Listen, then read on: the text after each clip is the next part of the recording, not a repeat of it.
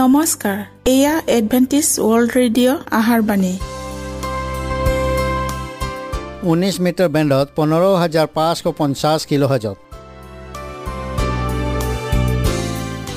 Adventist world radio যোগে অসমীয়া ভাষাত প্ৰচাৰিত আহাৰবাণী প্ৰত্যেক বুধবাৰ আৰু দেওবাৰ সন্ধিয়া সাত বজাত আহাৰবাণী শুনাৰ পিছত আপোনালোকৰ কিবা মন্তব্য আৰু প্ৰশ্ন থাকিলে আমালৈ এই ঠিকনাত লিখক। আমাৰ ঠিকনাটি হৈছে Adventist world radio' seven day Adventist মণ্ডলী অসম শাখা লতাকাটা বশিষ্ট গুৱাহাটী সাত আঠ এক শূন্য দুই ন।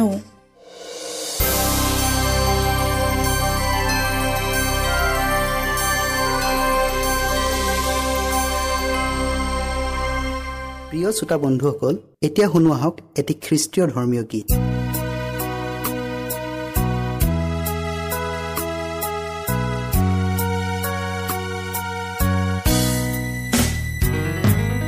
নতুন পৃথিৱী নতুন দিন নতুন সপোন দেখিবলৈ দিলা।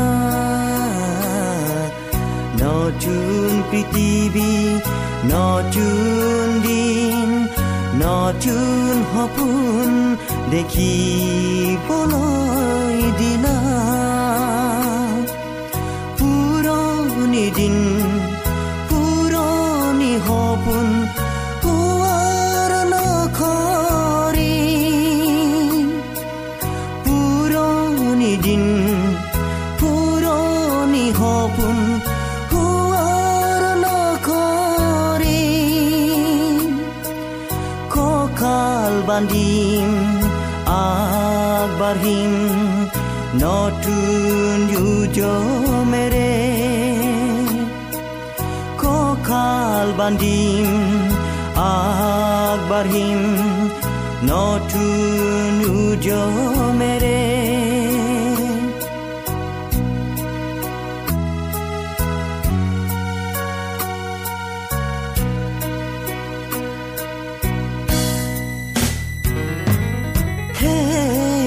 প্ৰভু শক্তি দিয়া হে প্ৰভু শক্তি দিয়া দিন যেন নাযায় অথলে সপোন যে নাযায় বিপলে দিন যেন নাযায় অথলে যে নাযায় বিপলে এখোজে নাগবাঢ়িম ধৰ্ম পথ এখোজে নাগবাঢ়িম ধৰ্ম পথ শক্তি দিয়া প্ৰভু শক্তি দিয়া দিন অথলে শক্তি দিয়া প্ৰভু শক্তি দিয়া।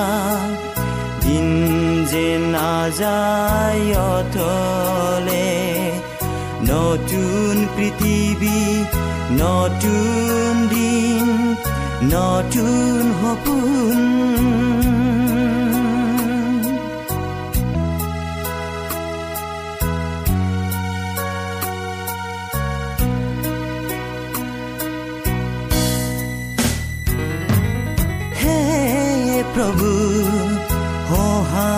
কৰা। হে প্ৰভু সহায় কৰা। দিন যেন নাযায় অথলে আহা যে নাযায় বিপলে।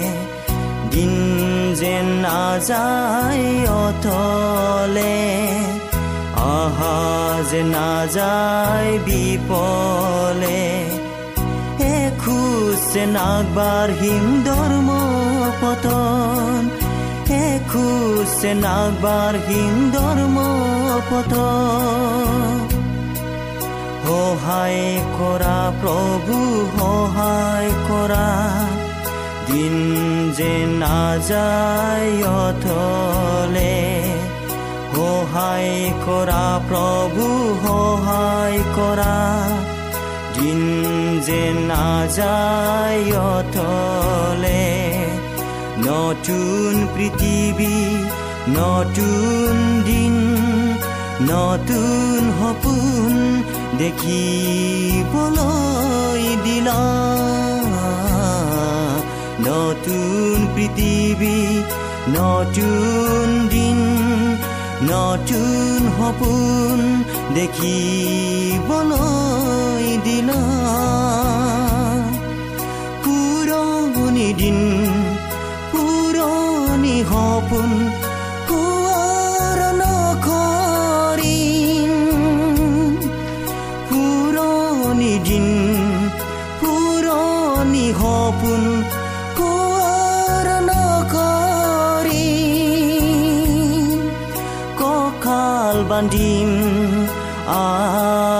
আগবাঢ়িম নতুন উদ্যমেৰে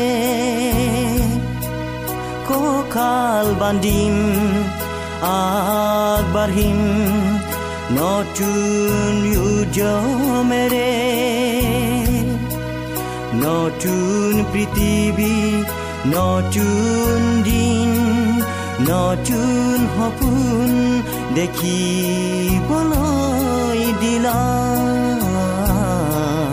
নতুন পৃথিৱী নতুন দিন নতুন সপোন।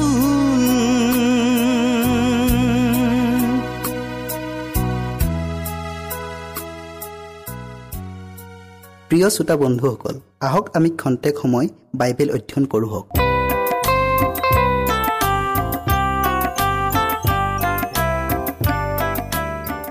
প্ৰিয় শ্ৰোতাসকল আজি আমি যোৱা অনুষ্ঠানৰ বাকী অংশ জীৱন ৰেকৰ্ডৰ সন্মুখীন হোৱা এই বিষয়টিলৈ আকৌ অধ্যয়ন কৰোঁ হওক। অধ্যয়ন কৰাৰ আগতে আমি আকৌ প্ৰাৰ্থনা কৰোঁ হওক। স্বৰ্গত থকা অসীম দয়াময় ঈশ্বৰজী হোৱা ধন্যবাদ প্ৰভু তোমাৰ অনুগ্ৰহ আৰু আশীৰ্বাদৰ বাবে। প্ৰভু তুমি প্ৰত্যেক শ্ৰোতাৰ তোমাৰ পবিত্ৰ আত্মা দি তেওঁলোকৰ হৃদয় স্পৰ্শ কৰি দিয়া আৰু অধ্যয়নৰ শেষলৈকে আমাৰ লগত থকা। যীশুৰ নামত খুজিলোঁ। আমেন। সোধ বিচাৰৰ সময়ত যেতিয়া ৰেকৰ্ড অৰ্থাৎ নথি পত্ৰ ৰখা পুস্তকবিলাক মেলা হ'ব তেতিয়া যিবিলাকে যীচুত বিশ্বাস কৰিলে তেওঁবিলাক সকলোৰে জীৱনবোৰ ঈশ্বৰৰ সন্মুখত পুনৰাই পৰীক্ষা কৰা হ'ব। পৃথিৱীত সৰ্বপ্ৰথম বাস কৰা মানুহজনৰ পৰা আৰম্ভ কৰি তাৰ পিছত প্ৰতিটো প্ৰজন্মৰ প্ৰতিটো মোকৰ্দমাক আমাৰ উকিল জনাই উত্থাপন কৰিব আৰু সেই মোকৰ্দমা জীয়াই থকা সকলৰ জীৱনত শেষ কৰিব। প্ৰতিটো নাম উল্লেখ কৰা হ'ব আৰু প্ৰতিটো মোকৰ্দমাক অতি সূক্ষ্মভাৱে অনুসন্ধান কৰা হ'ব। চালি জাৰি চোৱা হ'ব। কিছুমানৰ নামবোৰক গ্ৰহণ কৰা হ'ব। আৰু আন কিছুমানক প্ৰত্যাখ্যান কৰা হ'ব। যেতিয়া কাৰোবাৰ অনুতাপ নকৰা আৰু ক্ষমা নোহোৱা পাপ সেই ৰেকৰ্ড পুস্তকত থাকি যায় তেতিয়া তেওঁবিলাকৰ নামবিলাকক জীৱন পুস্তকৰ পৰা মুচি পেলোৱা হ'ব আৰু ঈশ্বৰৰ স্মৰণাৰ্থক পুস্তকখনৰ পৰা তেওঁবিলাকৰ ভাল কৰ্মবোৰৰ অভিলেখবোৰকো মুচি পেলোৱা হ'ব। ঈশ্বৰ জীহুৱাই মচিক এইদৰে জনাইছিল যিজনে মোৰ বিৰুদ্ধে পাপ কৰিলে তাৰ হে নাম মই মোৰ পুস্তকৰ পৰা কাটি পেলাম। আৰু জিহিচকেল ভাবোবাদীয়ে এনেকৈ কৈছে যদি ধাৰ্মিকে তেওঁৰ ধাৰ্মিকতাৰ পৰা ঘূৰি অপৰাধ কৰে আৰু দুষ্টই কৰা আটাই ঘীনলগীয়া কাৰ্যৰ দৰে কাৰ্য কৰে তেওঁ কৰা ধৰ্ম কৰ্মবোৰৰ কোনোটোকে সোঁৱৰণ কৰা নাযাব। যাত্ৰা পুস্তক বত্ৰিছ অধ্যায়ৰ তেত্ৰিছ পদটো আৰু জিহিচকেল ওঠৰ অধ্যায়ৰ চৌবিছ পদত আপোনালোকে এইটো দেখা পাব। যিবিলাকে নিজৰ পাপৰ বাবে সঁচাকৈ অনুতাপ কৰিলে আৰু কৃষ্টৰ প্ৰায়চিত্ৰ কৰিব পৰা তেজৰ গুণে পাপ ক্ষমা পালে বুলি বিশ্বাস কৰিলে তেওঁবিলাকৰ নামবোৰ স্বৰ্গৰ পুস্তকত লিখা হৈ গ'ল। তেওঁবিলাকে কৃষ্টৰ ধাৰ্মিকতাৰ অংশীদাৰ হোৱাৰ লগে লগে তেওঁবিলাকৰ চৰিত্ৰ ঈশ্বৰৰ বিধানৰ সমন্বয়ত আহিব অৰ্থাৎ ঈশ্বৰৰ বিধানৰ ঐক্ষমতত আহিব আৰু তেওঁবিলাকৰ পাপসমূহকো মুচি পেলোৱা হ'ব। আৰু তেওঁবিলাকে নিজেই অনন্ত জীৱন যোগ্য বুলি অনুভৱ কৰিব। যীচয়া ভাৱবাদীৰ দ্বাৰাই ঈশ্বৰে এইদৰে ঘোষণা কৰিছে মই ময়ে মোৰ নিমিত্তে তোমাৰ অধৰ্মবোৰ মোচন কৰোঁ আৰু তোমাৰ পাপবোৰৰ মনত নাৰাখিম যীচয়া তেল্লিছ অধ্যায়ৰ পঁচিছ পদত। যীশুৱে কৈছে যিজনে জয় কৰে তেওঁ সেইদৰে বগা বস্ত্ৰৰে বিভূষিত হ'ব আৰু মই জীৱন পুস্তকৰ পৰা তেওঁৰ নাম নুগুচাম। কিন্তু মোৰ পিতৃৰ সাক্ষাতে আৰু তেওঁৰ দূতবিলাকৰো সাক্ষাতে মই তোমাৰ নাম স্বীকাৰ কৰিম। এতেকে মানুহৰ আগত যিকোনোৱে মোক স্বীকাৰ কৰে স্বৰ্গত থকা মোৰ পিতৃৰ আগত ময়ো তেওঁক স্বীকাৰ কৰিম। কিন্তু মানুহৰ আগত যিকোনোৱে মোক অস্বীকাৰ কৰে স্বৰ্গত থকা মোৰ পিতৃৰ আগত ময়ো তেওঁক স্বীকাৰ কৰিম। জগতৰ ন্যায়ালতায়ত বিচাৰ কৰি যি সিদ্ধান্ত লোৱা হয় তাৰ প্ৰতিটো মানুহৰ গভীৰ আকৰ্ষণ বা মনোযোগ আছে। কিন্তু স্বৰ্গীয় বিচাৰালয়ত জীৱন পুস্তকত লিখা থকা মানুহৰ নামবোৰক যেতিয়া সমগ্ৰ জগতৰ সেই সোধ বিচাৰৰ সময়ত পুনৰ পৰীক্ষা কৰা হ'ব তেতিয়া বোধ কৰোঁ তাৰ প্ৰতি মানুহৰ মন খুব কমকৈয়ে আকৰ্ষিত হ'ব। ঐশ্বৰিক মধ্যস্থতাকাৰী জনাই নিবেদন কৰিব যে যিবিলাকে তেওঁৰ তেজৰ বিশ্বাস কৰাৰ জৰিয়তে জয়যুক্ত হ'ল তেওঁবিলাকক সকলোৰে পাপ ক্ষমা কৰা হ'ল। আৰু তেওঁবিলাকক সেই এডেন উদ্যানৰ ঘৰখনৰ পুনৰাই অৰ্পণ কৰা হ'ল আৰু তেওঁৰ সৈতে প্ৰথম প্ৰভুত্বৰ অধিকাৰী হিচাপে মুকুট পিন্ধোৱা হ'ল। মিকা চাৰি অধ্যায়ৰ আঠ পদত প্ৰতাৰণা কৰা নিজৰ কাৰ্যত ছয়তানে চেষ্টাৰ অকণো ক্ৰুটি কৰা নাই। আৰু আমাৰ মানৱ জাতিটোক প্ৰলোভিত কৰি মানৱ সৃষ্টিৰ ঐশ্বৰিক পৰিকল্পনাটোক সি নিৰাশাত পৰিণত কৰিবলৈ চিন্তা কৰিছিল। কিন্তু কৃষ্টই এতিয়া দাবী কৰিছে যে তেওঁৰ পৰিত্ৰাণৰ পৰিকল্পনাটো ইমানেই কাৰ্যক্ষম হ'ব যে ইয়াৰ দ্বাৰাই এইটো প্ৰমাণ হ'ব যে মানৱ জাতিটো কোনো কালেও পাপত পতীত হোৱাই নাছিল। তেওঁ তেওঁৰ লোকবিলাকক সম্পূৰ্ণকৈ এনেকৈ উপচি পৰাকৈ মাত্ৰ পাপ ক্ষমা আৰু ধাৰ্মিকতা দিম বুলিয়েই ক্ষান্ত থকা নাই। কিন্তু তেওঁ নিজস্ব গৌৰৱ মহিমাৰ অংশীদাৰ আৰু নিজ সিংহাসনৰ ওপৰতো বহিবলৈ অধিকাৰ প্ৰদান কৰাৰ প্ৰতিজ্ঞা কৰিছে। তেওঁৰ অনুগ্ৰহৰ বিষয়ৰ সম্পৰ্কত যীশুৱে পিতৃৰ ওচৰত নিবেদন কৰি থকা সময়ত ছয়তানেও ঈশ্বৰৰ সন্মুখত তেওঁবিলাকক পাপিষ্ট বুলি অভিযোগ কৰি আছে। মহাপ্ৰতাৰজনে ঈশ্বৰৰ ওপৰত থকা তেওঁবিলাকৰ বিশ্বাসক নাইকিয়া কৰিবলৈ তেওঁবিলাকক তেওঁৰ প্ৰেমৰ পৰা আঁতৰাই আনিবলৈ আৰু তেওঁৰ বিধান উলংঘন কৰাবলৈ তেওঁবিলাকক ঈশ্বৰ অবিশ্বাসী কৰিবলৈ চেলু বিচাৰি আছে। এতিয়া সি তেওঁবিলাকৰ জীৱনৰ ৰেকৰ্ডবোৰক দেখুৱাই দিছে। তেওঁবিলাকৰ লেতেৰা ভুল ক্ৰুটিৰে ভৰা চৰিত্ৰটোক দেখুৱাই দিছে। যিটো কৃষ্টৰ চৰিত্ৰৰ সম্পূৰ্ণ বিপৰীত আৰু যিটোক তেওঁবিলাকৰ ত্ৰাণকৰ্তাজনাৰ দৃষ্টিত ঘীনলগীয়া আৰু মৰ্যাদাহীন। ইয়াৰ উপৰিও সি তাৰ প্ৰলোভনেৰে তেওঁবিলাকক যি যি পাপবোৰত লিপ্ত কৰাইছিল সেই আটাইবোৰ পাপক দেখুৱাই দিছিল আৰু দাবী কৰিছিল যে তেওঁবিলাক তাৰহে সম্পত্তি।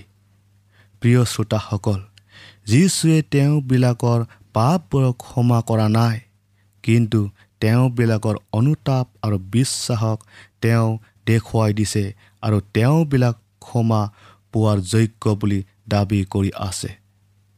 তেওঁ তেওঁৰ গজাল হাত দুখনক পিতৃ আৰু পবিত্ৰ দূতবিলাকৰ সন্মুখত দাঙি দেখুৱাইছে আৰু কৈছে মই তেওঁবিলাকক নামেৰে সৈতে জানো। মই মোৰ হাতৰ তলুৱাৰে তেওঁবিলাকক সুদৃঢ় কৰি ৰক্ষণাবেক্ষণ দিলোঁ।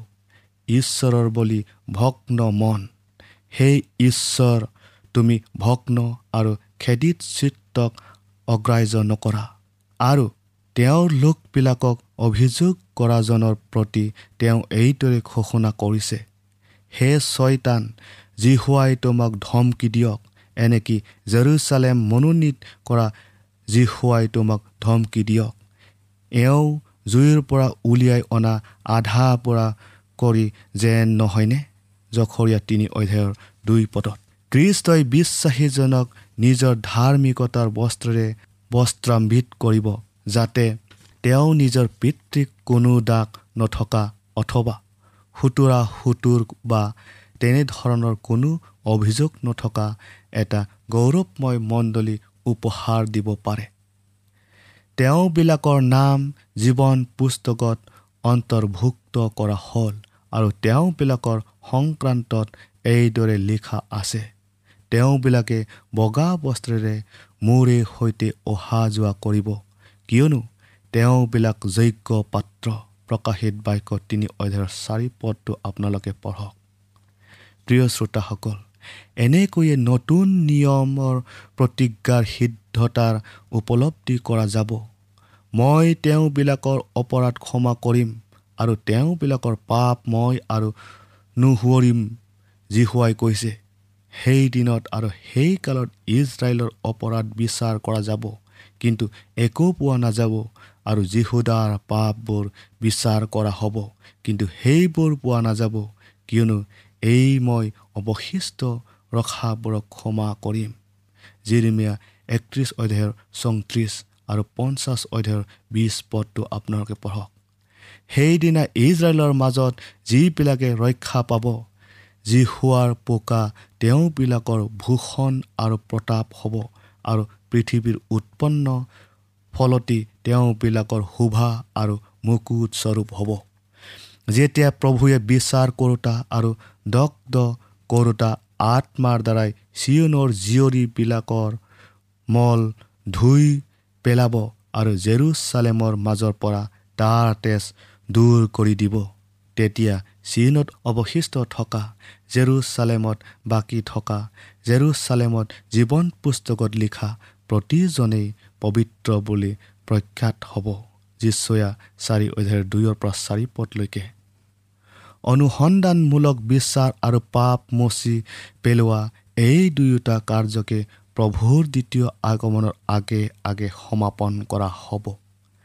যিহেতু স্বৰ্গৰ পুস্তকত যি যি লিখা হ'ল তাৰ ভিত্তিত মৃত্যুবিলাকৰ সোধ বিচাৰ কৰা হ'ব।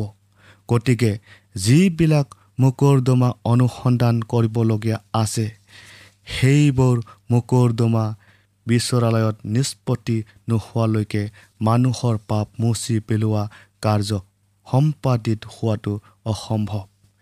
কিন্তু পাচনি পিতৰে স্পষ্টকৈ প্ৰকাশ কৰিছে যে খ্ৰীষ্টত বিশ্বাস কৰাবিলাকৰ পাপবোৰ মুচি পেলোৱা হ'ব।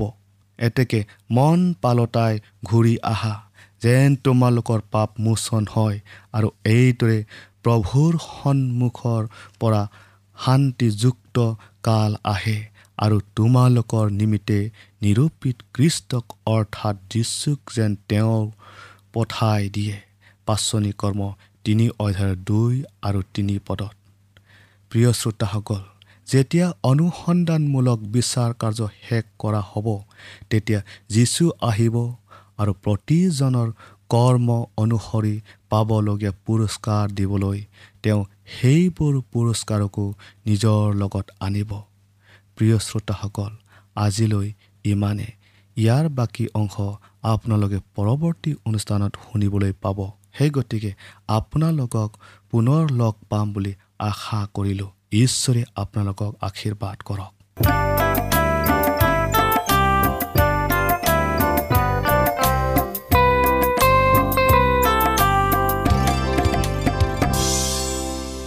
ইমানপুৰে আমি বাইবেল অধ্যয়ন কৰিলোঁ। এতিয়া আকৌ শুনো আহক এটি খ্ৰীষ্টীয় ধৰ্মীয় গীত।